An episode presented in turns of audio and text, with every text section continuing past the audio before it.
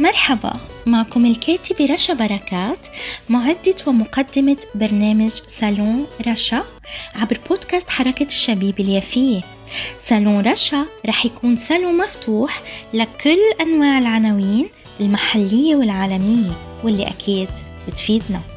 اسمعونا على منصات التواصل الاجتماعي والتطبيقات Spotify Podbean Google وأبل وطبعا على الفيسبوك بصفحتي. بودكاست حركة الشبيب اليافية وحركة الشبيب اليافية سالون رشا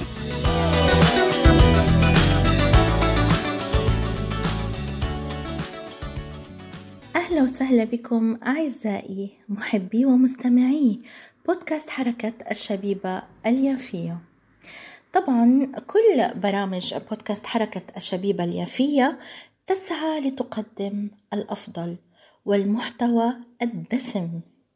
أما اليوم فبصالوني صالون رشا. اخترت أن أتكلم وأتحدث عن مجلة آه، خاصة فيها آه، مقالات جميلة جدا ومهمة جدا وهي طبعا آه، مجلة المؤسسة الغنية عن التعريف مجلة الدراسات الفلسطينية. ما نويت أتحدث عنه اليوم هو العدد 127 من مجلة الدراسات الفلسطينية. بصيف 2021 وبعنوان هذه ليست بطيخة. أما بالنسبة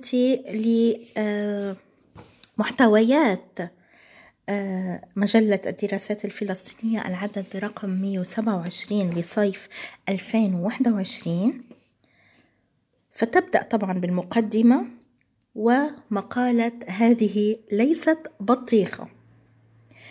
آه، مقالة هذه ليست بطيخة للأستاذ خالد حوراني. وكذلك لا ننسى أن هناك تأملات وخواطر للأستاذ وليد الخالدي. وبعض المداخلات للكلام والكلام المكسور الثقافة في مواجهة النكبة المستمرة والانحطاط الأخلاقي للأستاذ الياس خوري. أه مقالات هذه هذا العدد مهمة جدا وسأتابع أه السرد عن عناوينها لأهميتها. إذا هناك مقالة بعنوان حي الشيخ جراح ومعركة البقاء للأستاذ نظمي الجعبي. وكذلك دلالات هبة القدس وحرب غزة ودروسهما للأستاذ كميل منصور. ومقالة بعنوان كي لا تتبدد تضحيات ومنجزات أيار الفلسطيني للأستاذ عبد الرزاق فراج. وهناك مقالة مهمة جدا عن هبة فلسطينيي 48 أي أنا كابنة مدينة يافا ونحن في حركة الشبيبة اليافية وكذلك حيفا وعكا وغيرها. فنحن نكنى بكود كما مرة كتبت أنا مقالة بعنوان أنا لست كود أي رمز نحن نكنى ب 48 وهنا المقالة تتطرق إلى هبة فلسطينيي 48 هدف مزدوج هكذا هو عنوانها للأستاذ أنطوان شلحت. وكذلك هناك آه، مقالة بعنوان العملية العسكرية ضد غزة حرب على الوعي وصراع على السردية للأستاذة رندا حيدر. ومقالة بعنوان ما بعد القدس وسيفها للأستاذ معين الطاهر وشوق الصبار للأستاذة سعاد قطناني. أما آه، مقالة بعنوان جميل لفتني محو المحو تأملات في هبة القدس ومداراتها فهو أو فهي للأستاذ أحمد عز الدين أسعد. وكذلك مقومات إعادة البناء والتحرر للأستاذ مهند عبد الحميد ومعركة غزة الأخيرة وآفاقها المستقبلية للأستاذ عدنان أبو عامر. هناك مقالة بعنوان التقاء أزمتين. قراءة في الهبة الكبرى. للأستاذ عبد الجواد عمر. ومقالة عن الجيل المقدسي الجديد آه، بعنوان جيل مقدسي جديد مبتكر يكسر جدار الخوف ويستعيد فلسطين. للأستاذ عبد الرؤوف أرناؤوط أما مقالة بعنوان فلسطينيو 48 وهنا نرى أن هناك آه، هناك مقالة بعنوان هبة فلسطينيي 48 للأستاذ أنطوان شلحت. أما هنا فالمقالة بعنوان فلسطينيو 48 مصير واحد ونضال مشترك ضد الاحتلال والتمييز للأستاذ حسن مواسي. وأخيرا وليس اخرا مقاله بعنوان مشاهد من غزة دمار وانطفاء أحلام وإرادة الصمود. للأستاذ أمجاد سعيد شبات أما في الصفحة رقم 181 دراسات آه، كتب الأستاذ عبد الرحيم الشيخ مقالة آه عن حبيبنا عن الفذ الرائع دكتور إدوارد سعيد. وأنا آه دكتور إدوارد سعيد يؤثر في بشكل شخصي. آه كتب عن كتابته إذن بالرواية. فقال في أواخر شباط فبراير 1984 نشر إدوارد سعيد مقالته إذن بالرواية بالإنجليزية. لا لطلب إذن بالرواية الفلسطينية عن أهوال حرب إسرائيل العدوانية على لبنان في صيف سنة 1982 فحسب. بل لنقد آليات صوغ الرواية الصهيونية النقيضة في الإعلام الغربي أيضا وخصوصا الأمريكي بشأن الحدث ذاته وتحديدا مجزرة صبرا وشتيلة. صحيح أنه خلال سبعة وثلاثين عاما مرت دماء كثيرة تحت الجسر من بيروت إلى غزة. لكن العلاقة بين العدوانية الإسرائيلية والتردي الفلسطيني والتخاذل العربي والاعتذارية الغربية ازدادت اضطرادا وهذه الترجمة المتأخرة وهوامشها ومقدمتها الموجزة ترصد بالعربية بعض ملامح هذا الاضطراد على مستويات الحدث والصورة والأخلاق. على مستوى الحدث شهد لبنان منذ إذ حربين وشهدت فلسطين انتفاضتين وثلاث حروب واتفاقا سياسيا كارثيا. وشهد العالم العربي خرابا هائلا في أعقاب ثورات الربيع العربي. لكن الحدث التكويني الناظم لجغرافيا المعاناة والذي صار بنية متناسخة هو الحدث الاستعماري الصهيوني الذي لا يزال يحشر التاريخ في مسار المأساة التي حالت دون إتمام استقلال لبنان ودون تحقيق استقلال فلسطين. أما أمريكا فتكفلت بالملهات إذ اعترفت بالقدس عاصمة لإسرائيل. وبالجولان جزءا منها. وأنجزت اتفاقيات إبراهام التي أمنت لإسرائيل اعترافا معلنا بها من أربع دول عربية جديدة.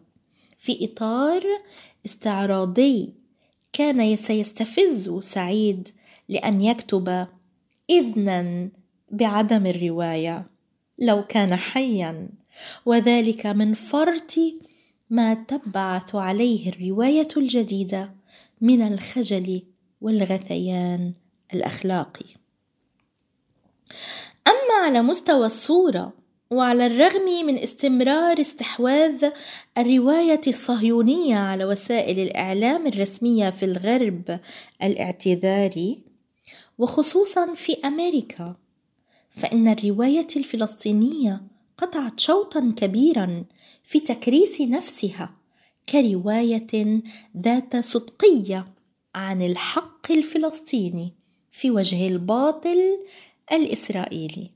صحيح أن مقولة بن غوريون إن وجود إسرائيل أهم من صورتها لا تزال تحكم السلوكين العداء والدعاء لإسرائيل. إلا ان إلا إن الفلسطينيين تمكنوا من فضح وجود إسرائيل وصورتها. بفضل عدة عوامل.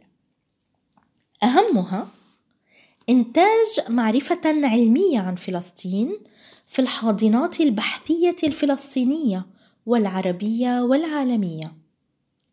كسر احتكارية البث الممجوج للرواية الإسرائيلية في الإعلام الرسمي الغربي وذلك باختراق وسائل الإعلام البديل.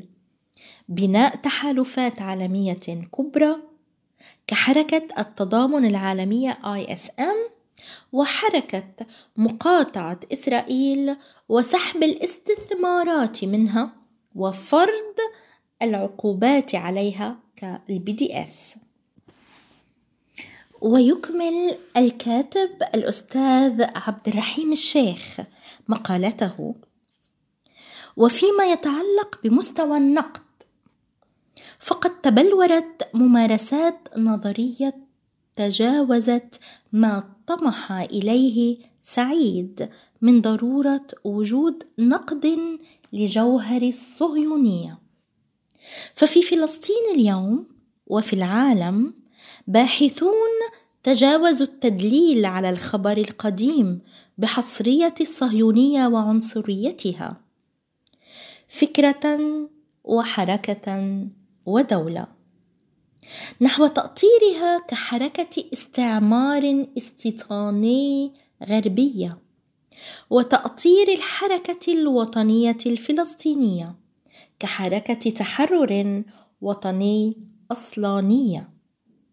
وبالتالي لم يعد السقف الأخلاقي لمفهومة فلسطين هو الطلب من المتعاطفين مع قضيتها الإقرار ب الخطيئة الأولى لإسرائيل أي الاستعمار الذي نشأت عنه نكبة 48 وليس فقط الاحتلال الذي نشأت عنه نكسة السبعة وستين. ذلك ما طلبه سعيد من تشومسكي قبل نحو أربعة عقود كمقدمة أخلاقية للانحياز إلى حل الدولتين. أما الآن وبعد الموت الفعلي الذي تعلنه إسرائيل يوميا على الأرض لذلك الحل المشؤوم فقد نشأت مجموعة تدعو إلى حل الدولة الواحدة. ليست دولة ميثاق سنة 68 الديمقراطية والتي تتحرى في منطلقاتها حساسيات أخلاقية تجعل ما طمح إليه سعيد من الاعتراف بالمظلومة التاريخية الفلسطينية التي نجمت عن الحدث الاستعماري الصهيوني بديهية أخلاقية لا هدفا منشودا. تحرز سعيد من تشاؤمية تشومسكي وتطير من اقتران تشاؤم العقل بتشاؤم الإرادة في لبنان وفلسطين. فمع أن التاريخ جعل من تلك التشاؤمية نبوءة محققه, محققة لذاتها إلا أن التاريخ أيضا أتاح فسحات من الأمل. تحرير الجنوب اللبناني على الرغم من الدمار تحرير غزة في فلسطين على الرغم من الحصار استمرار إرادة الشعبين اللبناني والفلسطيني التي بشر بها محمود درويش في الإصابة بداء الأمل. يكتبون الحكاية وإن لم يتمكنوا بعد من وراثة أرضها. أعزائي المتابعين طبعا يمكنكم الاستماع على آه، كافة برامجنا عبر آه، منصات التواصل الاجتماعي والتطبيقات التي سمعتموها مني في البرومو.